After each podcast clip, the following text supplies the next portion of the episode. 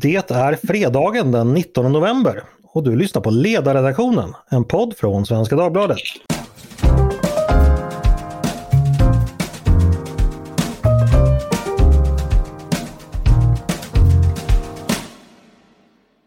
Hej och välkomna! Mitt namn är Andreas Eriksson och jag är er tröst i senhösten. Med mig för att diskutera veckans händelser har jag som alltid på fredagar mina kloka kollegor på redaktionen. De har ägnat hela veckan åt att tycka och tänka och tycka lite till så att vi andra ska slippa göra det. Bland dem exempelvis vår chef Tove Livendal. Välkommen hit! Tack så mycket! Har du hunnit bulla upp för fredagsmyset än? Mm, eh, ganska väl, men det, det återstår lite grann. Kan jag dig rätt så började baket redan i onsdags. ja, ja. Det, det, vissa projekt är eviga och de eh, kommer aldrig i hamn. Så är det. Eh, Peter Wennblad, biträdande chef, välkommen du också. Tack, tack. För dig väntar, vad om jag förstod saken rätt, ett tvådagars musikquiz i helgen. Mm. Hur laddar man upp för ett sånt? Eh, ja, hur gör man? Det är... Eh det är lite mer att man laddar under tiden genom ett stort intag av öl. Det är det som håller en eh, flytande. Eh, så att eh, det, det, handlar om, inte så mycket om att eh förbereda sig utan att eh, ha tid för återhämtning efteråt. Mm. Jo men exakt, det, det var vad man blev rekommenderad när man pluggade. Att så här, sista kvällen innan tentan, gör någonting helt annat. För det, det, det kommer ändå sitta där någonstans. Klokt. Eh, och slutligen en som varken är chef eller biträdande chef utan en helt vanlig Svensson. Eh, Mattias i förnamn, välkommen hit. Tack så mycket. Jag såg precis på Twitter att du firar mansdagen med en rejäl manlig förkylning. Det låter ju inte så bra. Hur mår du? Uh, ja, jag är döende förstås eftersom jag är förkyld. Uh, men, men det är lite svårt att tycka riktigt lika synd om sig själv som man brukade göra före pandemin när, när det kom lite riktigare saker. Men uh, jag, jag gör mitt bästa. Till och med det, det nöjet har pandemin berövat oss alltså. Hörni, eh, med det så är vi igång som Christer Ulfbåge sa när han invigde Hello Sydney under OS år 2000. Eh, dagens första ämne, vaccinpass. Sådana är ju, ja, så Mattias vi börjar med pandemin då. Vaccinpass är ju på gång nu. Eh, arrangörer av publika evenemang som exempelvis konserter eller gudstjänster eller krogar som vill servera mat. Så då kräva att man visar upp eh, ett bevis på att man är vaccinerad. Vad tycker vi då om detta? Eh, Mattias, du har ju rent utav skrivit om saken. Vad säger du? Ja, det har jag gjort och jag förstår ju att eh, eh, att, att det känns som en åtgärd man vill ta till för att eh, motverka när, när smittan börjar igen. Men, eh, och det är feltänkt av, av ett flertal eh, anledningar därför att det, eh, ja, det, det, det, finns ju då dels liksom det här så har vi märkt att eh, det, det, är ganska, det är en ganska dramatisk inskränkning eh, om man eh, tittar på det. det. Det handlar om att eh, man hindrar människor som inte har tagit vacciner från att delta i väldigt stora delar av samhällslivet. Men om man, då, om man då säger så här, som många gör också, att i annat fall hade vi fått stänga ner allting. Nu låter vi i alla fall de vaccinerade få vara ute i samhället, vilket är den övervägande majoriteten. Så att det är bättre så att säga, för helheten att den stora, stora gruppen ändå får frihet. Vad, hur bemöter du det argumentet? Ja, alltså skulle vi börja styra samhällen på det sättet så skulle vi ju få väldigt problematiska slutsatser. Då, i, I förlängningen så har du ju det här kinesiska med, med sociala krediter där staten värdesätter dig efter ditt agerande mot andra och en filtrering av allt ifrån dina möjligheter att resa och annat. Och, och före pandemin så såg vi det där som helt väsensfrämmande och jag är lite förskräckt över hur, hur bekväm man blivit med, med den typen av tänkande. Alltså, det, jag, jag, tror också att för, för den som liksom mig är, är vaccinerad och tycker det är rätt att vara vaccinerad så, så kommer det här att bli en, eh, förvisso ett litet krångel men kanske inte jättekrångligt. Men, men man skapar samtidigt väldigt stora barriärer för en inte föraktlig minoritet i, i samhället som vi kan tycka gör fel. Men eh, det är ju samtidigt så att man vill ha dem med på, på båten och, och den, den här typen av tvångsåtgärder riskerar ju att, att bli kontraproduktiva i att det faktiskt är, är betydligt fler, till exempel jag som tycker att så här ska man inte behandla människor bara för att de tycker och tänker annorlunda. Och, eh, och, och, det är också så att, eh, jag menar i den här gruppen finns människor, det finns förstås foliehattar med konspirationsteorier om, om eh, vacciner och annat.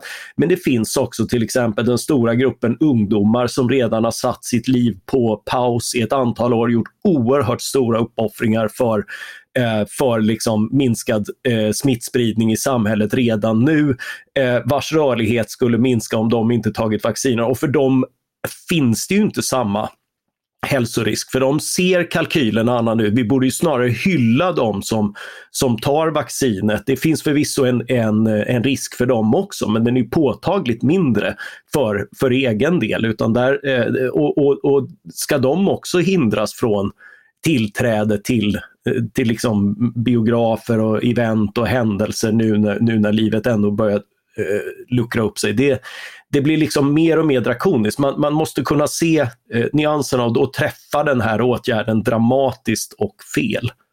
Ser du några andra nackdelar än de du redan nämnt?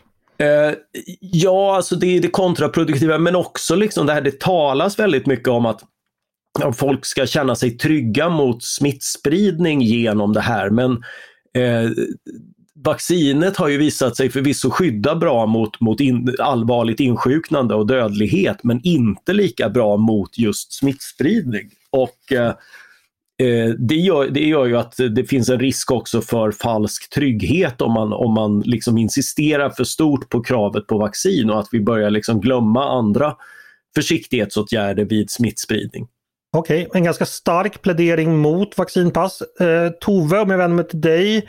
Skriver du under på det Mattias säger eller vill du revidera eller har du andra tankar eller andra du, skäl? Du undrar om jag vill överpröva hans framställan? Ja, precis. ja, jo, sånt kan ju vara ett privilegium som chef. Nej, jag, vi har ju resonerat om det här ganska mycket och vi har, det, ju, det här har ju varit frågor som, vi har, som har följt oss genom hela pandemin. Var hittar man balanspunkten mellan eh, att bekämpa pandemin och att inte göra för stora åverkningar på samhället och på de grundläggande rättigheterna som vi har.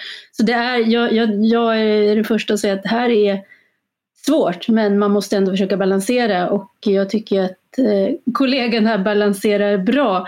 Det, det, som vi diskuterade när vi hade det uppe på morgonmötet, det var ju att som vanligt, och det har också varit återkommande genom hela pandemin, försöka förstå bevekelsegrunden till myndighetens beslut. För den är som mm. vanligt oklar och otydlig.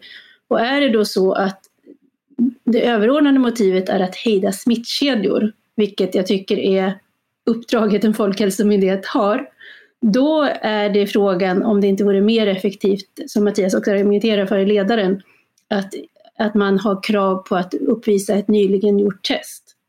Mm, okay. Då, då, skulle det kunna vara en mer effektiv väg. Är motivet som det spekulerades av i av vår vetenskapsjournalist i Svenska Dagbladet att man vill få upp vaccinationsgraden genom att då införa någon slags tryck att du får inte göra det här, inga armar, ingen kaka som man brukar säga. Att, eh, då, då kanske man skulle jobba med någonting annat. Det är bättre att säga till folk som det är än att försöka frammana en önskad handling genom halvkvädna andra förslag. Och sen kan man också fundera, man pratar väldigt mycket om trycket på sjukvården, och, men, men det är ju bara spekulationer och det är fortsatt problematiskt att myndigheterna inte är tydliga i sin kommunikation. Okej. Okay.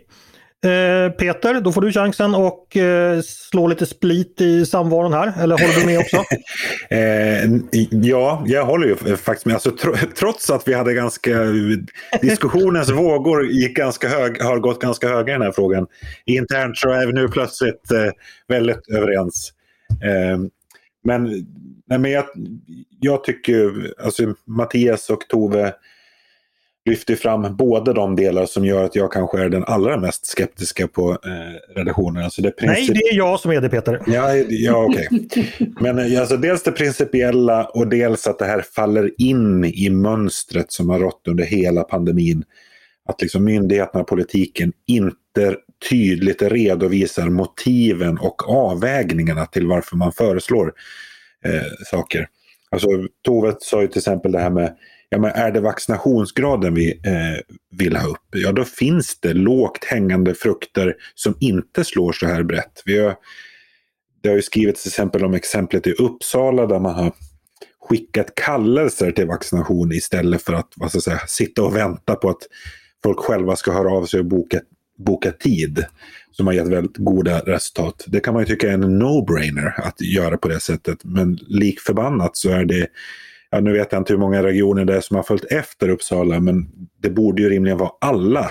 Och det finns ju skulle säga att det finns mycket att lära från inte minst eh, mammografi bland kvinnor där man liksom har testat olika metoder och det finns en utarbetad metodik för hur man vad ska jag säga, tar de, får upp de där sista procentenheterna. Och, så, och där är det just så här, kallelser, det handlar om hur man utformar kallelserna, i vilken utsträckning man följer upp kallelserna med telefonsamtal. Alltså där kan man åstadkomma mycket istället för att alltså, sjösätta en, en stor nationell tvångsapparat.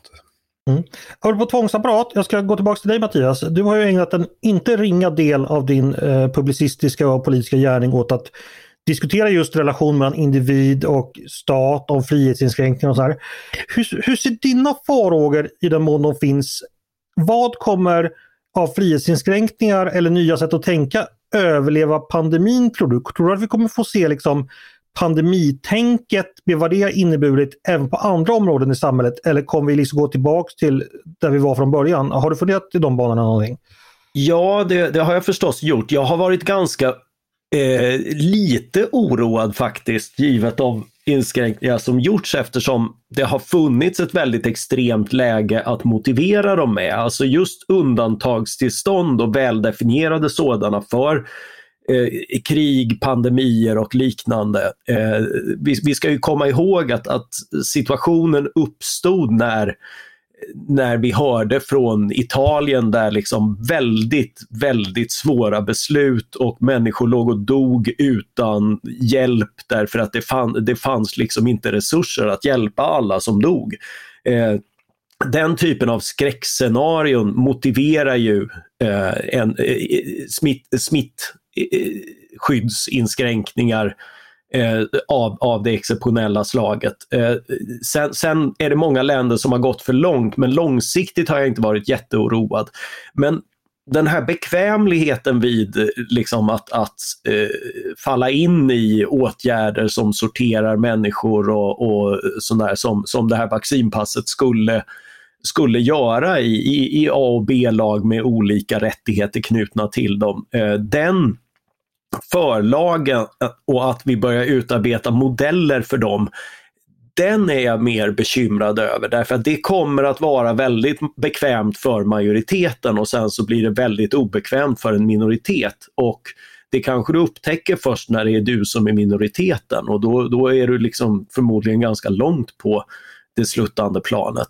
Eh, mm. Så, så det, det, är en anledning till att att, att jag tycker att det finns anledning att, eh, att sätta ner foten mot den här typen av förslag. Det är, det är slappt motiverat, det är en, en relativt stor frihetsinskränkning i ett, i ett sent skede där vi inte har samma typ av problematik som den man försökte hindra från början.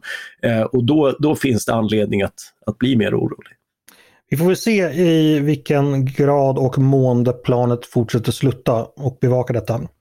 Nu ska vi gå vidare. Eh, ett annat ämne under veckan har ju varit strandskyddet. Eh, enligt en överenskommelse mellan de numera ganska få kvarvarande januaripartierna så ska det förändras. Eh, strandskydd som alltså handlar om det är en reglering eller en inskränkning av vad som får byggas i närheten av olika typer av vatten. En stor och viktig och klok förändring säger Centern, inte så jätteviktig säger andra. Peter, vad säger du? Eh, ja, jag säger att Centerpartiet, både Centerpartiet och Miljöpartiet har ju eh, utropat sig till vinnare på den här överenskommelsen trots att de har helt... Ja, man får ju säga att de har i stort sett motsatta eh, perspektiv.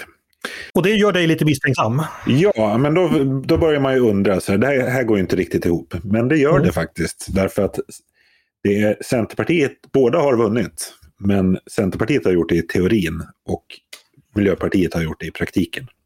Berätta. Eh, nej men, så här, strandskydd, det, det, kommer att genomföras ganska stora förändringar av, av strandskyddet rent juridiskt, man ska säga. Men de kommer framförallt att träffa eh, ja, det som jag i, i, min text i veckan lite elakt kallade för platser, platser som inte syns på kartan och där människor inte vill bo. Eh, alltså den största förändringen gäller väldigt, ja, det, Centerpartiet har kommunicerat att det är 300 000 sjöar som undantas från, från strandskyddet. Men det här är vatten som är så små att de inte ens kallas för sjöar i, med myndighetsvokabulär utan småvatten, alltså som är mindre än 100 meter i, i diameter. Gölar brukar det kallas för, eller kärnar. Mm. Kärnar är ju ett ganska poetiskt och vackert ord som jag tror många känner till. Precis, det var därför jag valde göl istället. eh, nej men och där det då också finns eh, att strand, strandskyddet ska också bara förändras där det råder, som det heter i den här överenskommelsen, lågt bebyggelsetryck, vilket är ju någon form av eufemism för platser där ingen vill bo. Okej, okay, så man får bygga där ingen vill bygga. Eh, blir det så om man drar det lite till sin spets? Alltså? Det kan man väl säga. Men däremot där människor i hög grad vill bo och bygga, det vill säga längs kusterna, längs vid de större sjöarna, alltså vid natursköna platser. Där kommer skyddet att istället eh, skärpas. Det blir mm. ännu svårare. Men äh, Centern säger sig ändå vara nöjda då. Du säger att det är teorin. Eh, lurar de oss eller har de själva blivit lurade eller menar någonting annat? Vad är det som liksom ligger bakom den här Ja, men de har, Centerpartiet har ju i vanlig ordning en annan måttstock än, än vi andra. Därför att de tittar ju på det här ut, liksom inom en väldigt snäv ram. Så här, vi har suttit i ett förhandlingsrum med Miljöpartiet. Hur bra vad säger, kompromiss kan man göra med Miljöpartiet? Mm. Eh, när, där man då har helt kommer in i förhandlingsrummet med motsatta uppfattningar. Ja, då kanske det här är en bra kompromiss. Men om man liksom breddar perspektivet, vilket är det rimliga, är det här en bra kompromiss givet att det finns en riksdagsmajoritet för stora lättnader av strandskyddet? Nej, då är det en jättedålig deal. Mm. Eh, men, men eh, ja, Centerpartiet har ju valt att liksom att begränsa. De har, en, de har en egen liten miniriksdag. Mm. Jo, för att den riktiga riksdagen innehåller ju krafter de inte vill associeras med. Precis. Eh, du nämnde då vidga perspektivet. Eh, Tove, jag tänkte vi skulle göra det lite här för att det här är ju ett exempel på en fråga som kanske är ganska tekniskt, som väljarna kanske inte är, eller lyssnarna eller jag för den delen, helt bekväma med allt vad det handlar om och sådär. Och här är det alltså politiker som trumpetar ut ganska olika budskap om samma sak. Eh, Peter kommer ju med en förklaring här, men vad tänker du om det? Liksom frågor där liksom samma resultat helt enkelt konstrueras eller gestaltas på så olika sätt från olika politiska håll när det ändå rör sig om samma verklighet. Är inte det någonting vi ser ganska ofta? Har det rent av blivit vanligare eller vad tänker du om det? Jag tror att det alltid har varit så. Jag tror att det har blivit Eh, större möjligheter att göra det nu och eh, det handlar väl om, möjligen då kanske att journalistiken har släppt efter för mycket och inte satt ett tillräckligt högt pris på, på att granska de påståenden som görs. Men det sker ju alltid en dragkamp om hur man ska gestalta någonting som händer. Eh, en förhandling självklart, men också överlag i den politiska debatten. Om man tar en fråga om jobb till exempel, så vet ett parti att när man gör fokusgrupper eller kollar runt vad, vilka partier man tror har bra politik, då kommer några att säga att ja, men Moderaterna de är bra på att bekämpa arbetslöshet. Så då kommer de alltid att prata om att bekämpa arbetslöshet när det handlar om jobbfrågan. Medan Socialdemokraterna vet att eh, en, en annan ställd fråga, nämligen vilka är bra på att skapa sysselsättning i Sverige, då får sossarna högre poäng. Så de kommer att vilja prata om sysselsättning. Frågan mm. handlar i båda fallen om jobben, men man ramar in den ifrån olika håll utifrån vad som är mest fördelaktigt för en själv. Och det, det gör det ju jättekrångligt ibland för väljarna att få transparens och förstå, men det är där journalistiken har ett jätteviktigt uppdrag att då ibland också dra ner byxorna på dem som försöker eh, frisera sanningen på ett sätt som mer handlar om reklamen, att berätta om någonting faktiskt är. Då ska jag göra min journalistiska plikt eh, och bara för eh, lyssnarna berätta att eh, den här sjön då, sjöarna det handlar om, det handlar om sjöar som är en, mindre än en hektar. Inte små, småvatten Andreas, småvatten. Ja, småvatten då. Och en hektar är ungefär den yta som riksdagshuset i Stockholm upptar. Det är ungefär en tredjedel av Kungsträdgården i, i Stockholm upptäckte jag när jag mätte på, på en karta här. Så att nu vet ni i alla fall, ni som lyssnar, att den här journalisten har gjort sin plikt för att så gott som möjligt åskådliggöra vad det, vad det handlar om för mått. Så kan man ju bedöma om det är småvatten eller storvatten eller svartvatten eller kallvatten eller vad det är. Men... eller eventuellt eh, eh, romantiska kärnar med näckrosor och eh, vad det nu kan vara. Eh, men bra, vi ska gå vidare och eh, fortsätta med dig Tove faktiskt. Eh, för också i veckan så hade vi ju, eh, då frågades Jimmy Åkesson ut i det här intervjuprogrammet på SVT som alla tycker så mycket om och alla pratar om. Eh, och en nyhet där det var ju att eh, SD-ledaren nu påstod att den så kallade vitboken, partiets vitbok, som det tidigare talats en del om, nu äntligen ska vara på gång. Det vill säga en bok där en oberoende forskare eh, släpps in i partiets arkiv eh, och kritiskt då ska granska partiets minst sagt dunkla förflutna. Eh, Tove, vad tänker vi om detta? En vitbok, är den, kan det förändra någonting hur vi ser på SD? Den viktiga frågan är väl om det kan förändra hur SD ser på SD. Eh, mm. Därför att omgivningens uppfattning om SD den är nog ganska fast och väldigt tydlig. Och eh, det handlar Fast, ju om... Ja, den har väl förändrats en del i alla fall. Jo, men man. den har förändrats, men om man tänker sig synen på deras rötter och historia så är det ju bara för Sverigedemokraterna som den är dunkel, för alla andra så är den ganska tydlig. Och ja, det är det jo. som gör det problematiskt med mm. detta parti. Och jag tänker att ett sådant arbete kanske, eh, i bästa fall så blir det ju en möjlighet att skapa en större eh, tydlighet internt. Var, är, var, var kommer vi ifrån och vart vill vi? Eh, och det här som då hände i, i programmet Holmberg, där Anders Holmberg då diskuterade detta med Jimmy Åkesson, visar ju att Jimmy Åkesson är inte den person som kommer att kunna ta Sverigedemokraterna till en bättre position. Utan han, han lever ju fortfarande i en, en väldigt en kombination av förnekelse och eh, vilja att inte tala om saken. Ja, precis. Hur mycket förnekelse är det egentligen? Han gick ju trots allt med i partiet 1994. Eh, det är ju väldigt tidigt. Eh, och alla vi som minns vårt 90-tal och rapporteringen då vet ju vad Sverigedemokraterna var för parti då. Jimmy Åkesson verkar ha väldigt, väldigt svårt att, att, att förhålla sig eller minnas någonting där. Och man, man får nästan intrycket av att han aktivt har valt bort det är lite som eh, var det, Björn Rosengren när han var TCO ordförande som var på strippklubb men inte förstod att han var på strippklubb. Nej, exakt. Eh, exakt. Och, och, och, här var ju ändå Åkesson med i flera år i den här strippklubben och han såg in, varken stänger eller dans eller något sånt där. Så att man undrar ju lite hur... Det var, hur rejäl, det var rejäla rökmaskiner i partilokalerna.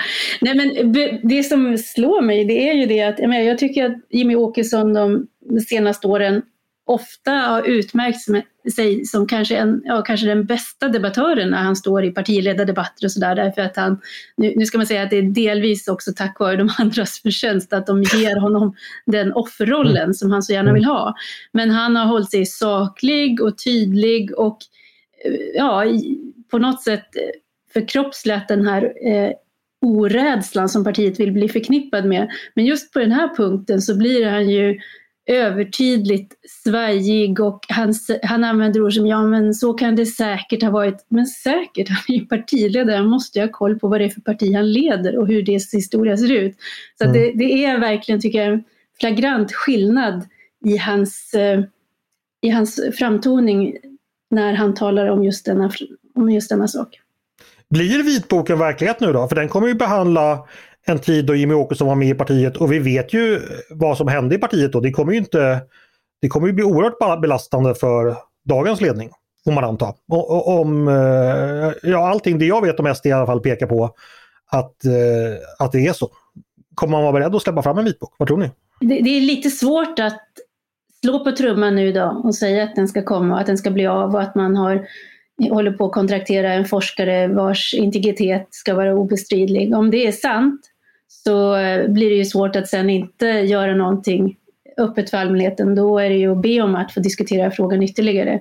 Mm. Men jag skulle nog säga att gör man jobbet ordentligt så ser jag också att det blir svårt för Jimmy Åkesson att med bibehållen trovärdighet vara kvar i den roll han har nu. Mm. Mattias, vad tänker du om allt detta?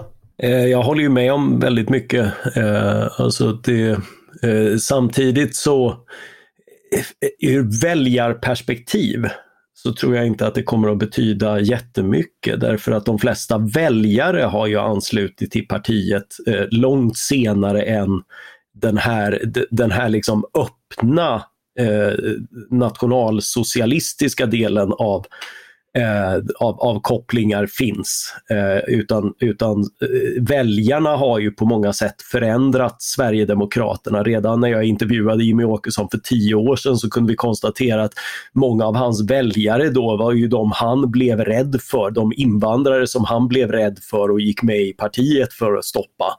Eh, det vill säga människor från, från det forna öst. Eh, och eh, eh det där, det där gör ju att, eh, att Eh, det här kanske pratas mer om för, eh, för liksom, ja, eh, bland, bland tyckare än är ett stort bekymmer bland väljare.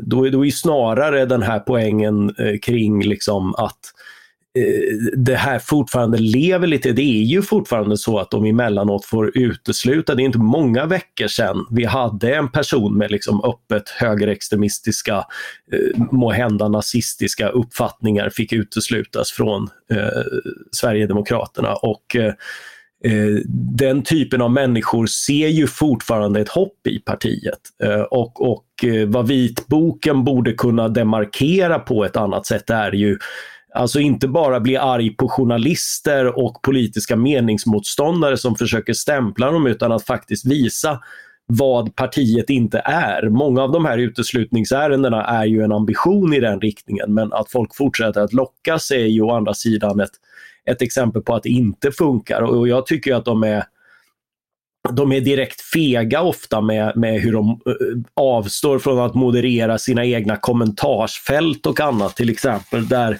där liksom väldigt mycket, eh, in, inte bara ren rasism utan också förväntningar som är liksom bortom partiets förslag eh, luftas utan att någon korrigerar dem. För de vågar helt enkelt inte mildra folks Eh, förväntningar och, och, då förstår man varför den här problematiken dyker upp gång på gång på gång på gång. Eh, Peter, vad tycker du om detta? En vitbok, spelar det någon roll eh, och i så fall vilken? Ja, men jag tänker så att, att göra den här typen av historiska bokslut, det är ju också ett sätt att göra ett avslut med sin historia, alltså lägga sin historia. Så jag förstår ju om man nu ska vara lite, kanske inte konspiratoriskt lagd, men liksom se det här ur ett så här, partistrategiskt taktiskt perspektiv. Att, att det här är ju en, i någon mening att kunna så här, skriva sin historia, den må vara sunkig, men då kan man sen liksom lägga den i, i arkivet och gå vidare. Nu, nu förföljer ju Sverigedemokraternas historia partiet hela tiden det har inte hindrat dem så jättemycket i, egentligen kanske, kan man också säga. Eller hade de varit ännu större utan sin historia? Ja, alltså, den typen av kontrafaktisk historieskrivning är ju omöjlig, men det är klart jag tror att eh, ur ett rent partiegoistiskt perspektiv så är det klart att de vill slippa den ständiga diskussionen. Liksom. Vi får se hur det blir med det, eh, vilken forskare det blir som skriver om någon skriver och eh, då får vi återkomma till det. Eh, från vitbok ska vi gå till kalkvitt och vi ska prata cement. Eh, när man bestämt Cementa på Gotland. Och då vet ni kära lyssnare att det är Peter som ska föra ordet. Eh, vi nåddes ju igår av nyheten att man ska få fortsätta bryta kalk där eh, fram till ja, hela 2022 som jag fattade. Peter, Precis. Eh, hur har det här gått till egentligen? Hur, det, hur länge vill du att vi ska hålla på? Vi kanske inte ska prata om hur det har gått till utan Ta några ut, bullet points bara. Ut, uttolka vad som egentligen har hänt. Nej, men så Cementa, eh, Cementa vill ju ha ett, ett, tre år, ett liksom förlängt tillstånd på tre år. Eh, så att man liksom parallellt med det kan söka ett nytt långsiktigt eh, tillstånd för att bryta sten. Eh, nu fick man ju då bara ett tillstånd på drygt ett år. och ska man då göra en uttolkning av det, och det var ju, ja, man behöver knappt tolka det, det sades ju till och med på Per Bolunds och Ibrahim Baylans presskonferens igår, att det här är egentligen ett budskap till hela, ett meddelande till hela bygg och anläggningssektorn. Ställ om till import. Ingen mer svensk cement alltså? Nej, alltså jag, jag kan inte se hur Cementa ska kunna få ett långsiktigt nytt tillstånd på drygt 12 månader. Det finns inte på kartan. Eh, men sen är ju också, och faktum är att det kanske att bygg och anläggningsbranschen behöver ställa om snabbare än så därför att den här lagen som då har tagits fram i all hast och som har möjliggjort det här eh, tillståndet sågades ju av lagrådet eh, men antogs ändå. Men det finns då möjlighet att begära rättsprövning som det heter. Och det har ju ett antal miljöorganisationer sagt att de ska göra. Då är det helt enkelt så att när man begär rättsprövning så tar Högsta förvaltningsdomstolen ställning till huruvida ett regeringsbeslut strider mot en rättsregel som det heter, alltså, det vill säga i det här fallet grundlagen. Mm. Eh, och mycket talar för att Högsta förvaltningsdomstolen kommer att säga det. Och då upphävs tillståndet. Och då är det liksom, då, då får Cementa bomma igen direkt. Okej. Okay. I alla fall, eller så här, de får avsluta brytningen direkt. Sen har de ju vissa andra möjligheter att uh, hålla verksamheten igång under uh, en viss tid. Ska det här tolkas som att vår nuvarande regering har som politisk ambition att det inte ska bli någon mer cementproduktion i Sverige? Ja, alltså jag tror att de har lite det är som i mycket annat, de är nog rätt kluvna här, men alltså Miljöpartiet har ju alltid varit öppna med att de inte vill ha storskalig stenbrytning i Sverige. Mm. Eh, ja, en illustration av det är ju att Miljöpartiet på, på Gotland eh, nu är ju väldigt upprörda över det här beslutet. De hade ju velat se ett stopp här och nu. Mm. Kan det här bli någonting som eh, politikerna kommer bråka om? Att det kommer bli liksom fråga inför valet? Ja, alltså, så om det då blir rättsprövning och eh, att tillståndet upphävs, då kommer det här liksom explodera i politiken igen. Eh, men annars så är det ju, man behöver ju inte vara så väldigt konspiratoriskt lagd för, för att alltså, se en mening i det här eh, tillstånd som gavs nu, alltså att det löper ut i eh, slutet av nästa år, det vill säga efter valet. Så man har ju dumpat den här frågan. Alltså om det nu är så att bygg och anläggningsbranschen och ja, det är ju ännu fler sektorer inte lyckas ställa om till import under det närmaste året. Så då har vi ju en då kommer ju den här frågan gå i repris igen. Mm. Eh, Tove, eh, det Peter berättar, eh, inga nyheter för dig förstås, men, men eh, hur tänker du att det här påverkar eh, politiken eventuellt och regeringen eventuellt? Ja, man önskar att det skulle kanske ha en ännu större plats i människors medvetande än vad det har. Men jag tycker det var en intressant eh, artikel som eh, vår kolumnist Kirsten Åkerman skrev i veckan eh, där hon då diskuterade, hon är ju Gotlandsboende, hon hade diskuterat den här frågan i, i något socialt forum och då hade en eh, regionpolitiker gått in här för att hon hade nämligen ifrågasatt då hur myndighetshanteringen hade gått till och det var väl också mot bakgrund av det som Peter har skrivit om tidigare, en person som eh, hade jävsförhållanden och suttit och, och fattat beslut. Och politikerns reaktion på de här frågorna var att det pågår en destabiliseringskampanj. Det vill säga att när man vill diskutera hur myndigheter sköter sina uppdrag och följer lagens intentioner och de regleringar och riktlinjer man har, då reagerar politiker med att tycka att man är utsatt för en destabiliseringskampanj. Så att här finns det ju en, eh, det finns ju någonting som är väldigt flagrant i detta. Är det Peter som är destabilisatorn här eller? Mm, han är väl epicentrum, eller han som Precis, det här är de onda styrkorna. Nej men jag tycker att det, det, det blottlägger ju en, en, en, en så självuppfattning som jag tror inte är helt ovanlig i politiken, som är halsbrytande. Och jag tänker att det, det, det, kan, det, det finns ju många lager i den här frågan som har kommit fram. Och, men också det faktum att det då finns en på sina håll utbredd uppfattning om att man måste kunna ta med sig sina värderingar i sin myndighetsutövning. Det är väldigt långt ifrån den idé om hur de här myndigheterna skulle fungera som vi en gång byggde upp. Och att anklaga kritiska journalister och opinionsbildare för att, eh, att, att som politiker anklaga kritiker för att vilja destabilisera samhället. Eh, hade det varit politiker i ett annat land som hade sagt liknande saker så hade vi nog gjort vissa associationer kan jag tänka mig också. Mm. Eh, hörni, vår tid håller på att rinna ut. Eh, det är snart dags att installera sig i myssoffan. Eh, en sista fråga, en sån där rolig rundfråga till alla. I helgen så är det så att ett lidande parti träffas i Linköping för att ha landsmöte. Anledningen till att de lider är inte bara att de ska tillbringa helgen i Linköping utan också att partiet heter Liberalerna. Och de är ju fortsatt så splittrade så bara de kan vara. Dessutom är väljarna numera så få att det där gamla skämtet om att Folkpartiets torgmöte vid regn istället omlokaliseras till telefonkiosken. Skulle fortfarande vara möjligt att dra om någon fortfarande visste vad en telefonkiosk är. Eh, men i alla fall, det är, det är splittrade och fåtaliga skaror kvar och nu ska de gräla hela helgen. Eh, jag tänkte vi skulle göra vårt bästa för att muntra upp de tappra skarorna i Linköping.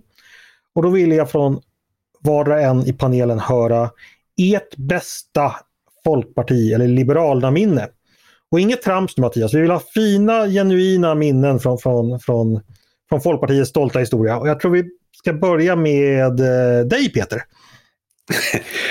Och du ville att jag skulle muntra upp Liberalerna?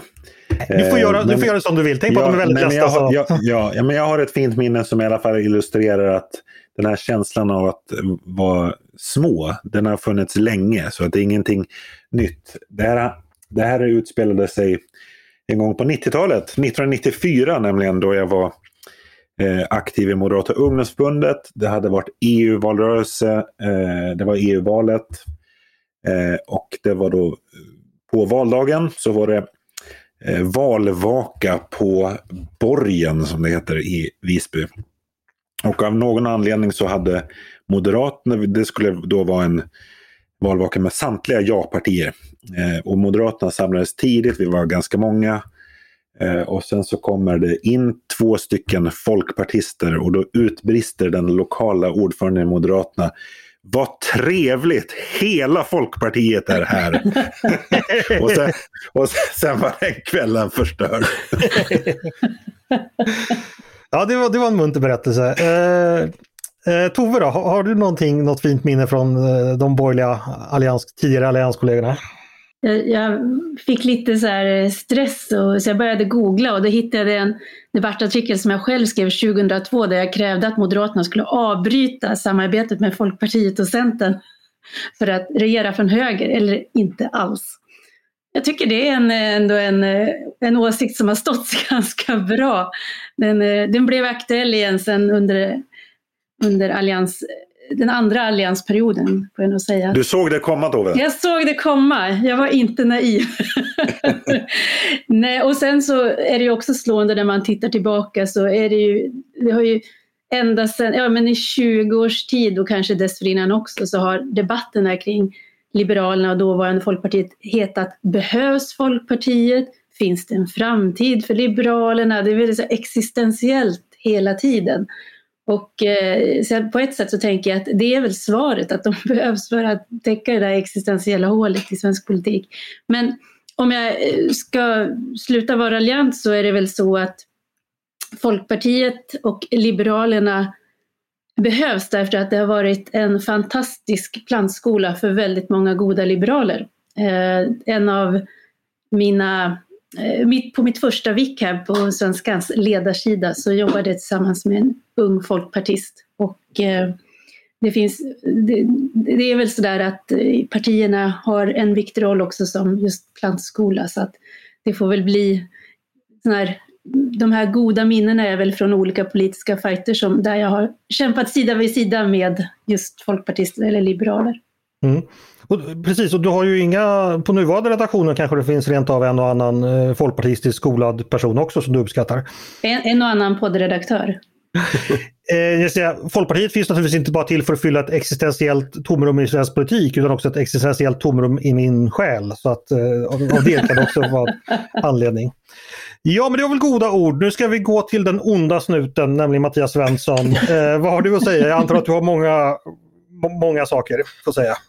Ja, men det finns mycket att säga om, eh, om Folkpartiet. Eh, inte minst utifrån det vi har diskuterat, att eh, det är ett parti som behöver göra upp med sin folkpartistiska historia. De bytte namn till Liberalerna men har inte på något sätt levt upp eller gjort upp med sitt folkpartistiska arv och blivit liberaler. De borde skriva en vitbok min, kanske? Mattias ja, alltså, skriva en vitbok. Jag, jag, brukar, jag brukar kalla min senaste bok om Sveriges alkoholpolitiska historia, så roligt ska vi inte ha det, för Folkpartiets svarta bok. Om, ja. om liksom deras värsta illgärningar. Ett kapitel heter Det närmaste vi har kommit en folkpartistisk diktatur och handlar om att jag menar, de satte in i stort sett diktaturens alla medel men använde det mot människors drickande snarare än människors åsikter, vilket vi trots allt ska vara väldigt tacksamma över. Eh, men eh, det finns ju, som Tove är inne på, jag är ju väldigt eh, svag för luff och liberala studenter och det frimod och diskussionsglädje som finns där. Och det var, blev väldigt konkret för några år sedan, just en sån här regnig novemberhöstkväll när jag skulle ut och prata om min väldigt deprimerande bok Den stora statens återkomst som då hade kommit ut och jag cyklar till en lokal i Fredhäll och hinner cykla förbi och tänka att här bodde ju jag och, och tänka att fast då var ingen av dem jag ska prata för född. Eh, mm. och, eh, och kommer fram och jag har med mig ett antal ex av, av min bok eftersom jag tänker att det, den eh, här läser ju folk. Så det, men jag sålde inte så många för folk satt där redan med sina exemplar och de hade hundöron och understrykningar och det blev en jätte jättelång utöver presentationen så var det, ja på sidan 43 skriver du så här och kan du utveckla det? Alltså precis den där diskussionen man, eh, man önskar som författare med folk som har läst ordentligt och absolut inte håller med om allting men vill meta mer och, och, och har invändningar och tankar. Uh, och det var en sån där kväll som satte sig. Det är sånt som gör att, att, att det är värt att kuska runt, att, att det sitter folk och, och liksom eh, Eh, tar idéer på allvar och som liksom växer upp och blir liksom nästa generations stora opinionsbildare med eh, eller utan partitillhörighet. tillhörighet. och, och den, den uppgiften tycker jag ju fylls, fylls ju snarare bättre än på länge i, i Liberalerna som det är nu.